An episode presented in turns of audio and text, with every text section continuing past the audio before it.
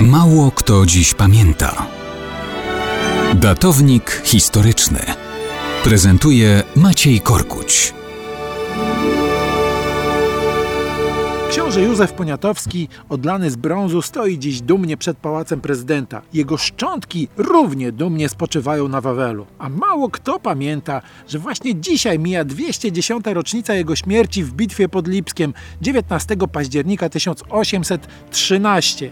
Dowodząc 8 i 4 korpusem Wielkiej Armii Napoleona, Poniatowski miał zadanie utrzymać na czele 10 tysięcy ludzi z prawego skrzydła wojsk cesarskich. Wobec atakujących tutaj trzy trzykrotnie liczniejszych korpusów rosyjskich, pruskich i austriackich, jakże to symboliczne, wykonał zadanie w pełni pierwszego dnia bitwy, czyli 16 października. Jednak całość tejże bitwy nie szła po myśli cesarza Francuzów. Jego wrogowie uzyskali generalnie dwukrotną przewagę liczebności wojsk. 18 października przeszli do ataku całkowicie przejmując inicjatywę. Wśród podkomendnych Poniatowskiego straty są wielkie. Książę broni swoich pozycji osobiście, wyprowadzając do ataku każdy batalion. Nie zważa na kolejne odniesione przez niego rany. Ma już tylko nieco ponad 2000 żołnierzy. Napoleon Napoleon w końcu zarządza odwrót powierza księciu zadanie osłony tegoż odwrotu na przedmieściach Lipska. Nie ma czasu na dobre przygotowanie pozycji obronnych.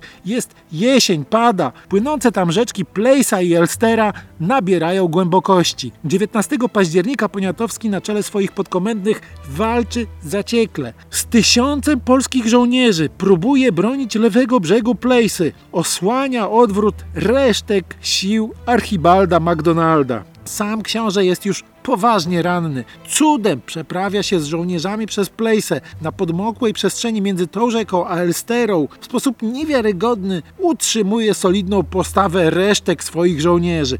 Odrzuca sugestie o poddaniu się. W sposób zorganizowany wycofuje się ku przeprawie przez Elsterę, ale most jest wysadzony. Już chwilami książę traci przytomność, kiedy konno rzuca się w nurty w obliczu nadbiegających żołnierzy wroga. Ci strzelają. Książę że już prawie dociera do przeciwległego brzegu, kiedy osuwa się z konia do wody. Traci przytomność. Trafiły go strzały żołnierzy wroga? Nie wiadomo. Na pomoc rzuca mu się francuski kapitan Hippolyte Blechon, ale i on zostaje śmiertelnie trafiony z przeciwległego brzegu. I tak ginie w nurtach Elstery książę Józef Poniatowski. Dziś nie bez powodu dumnie spoczywa na Wawelu.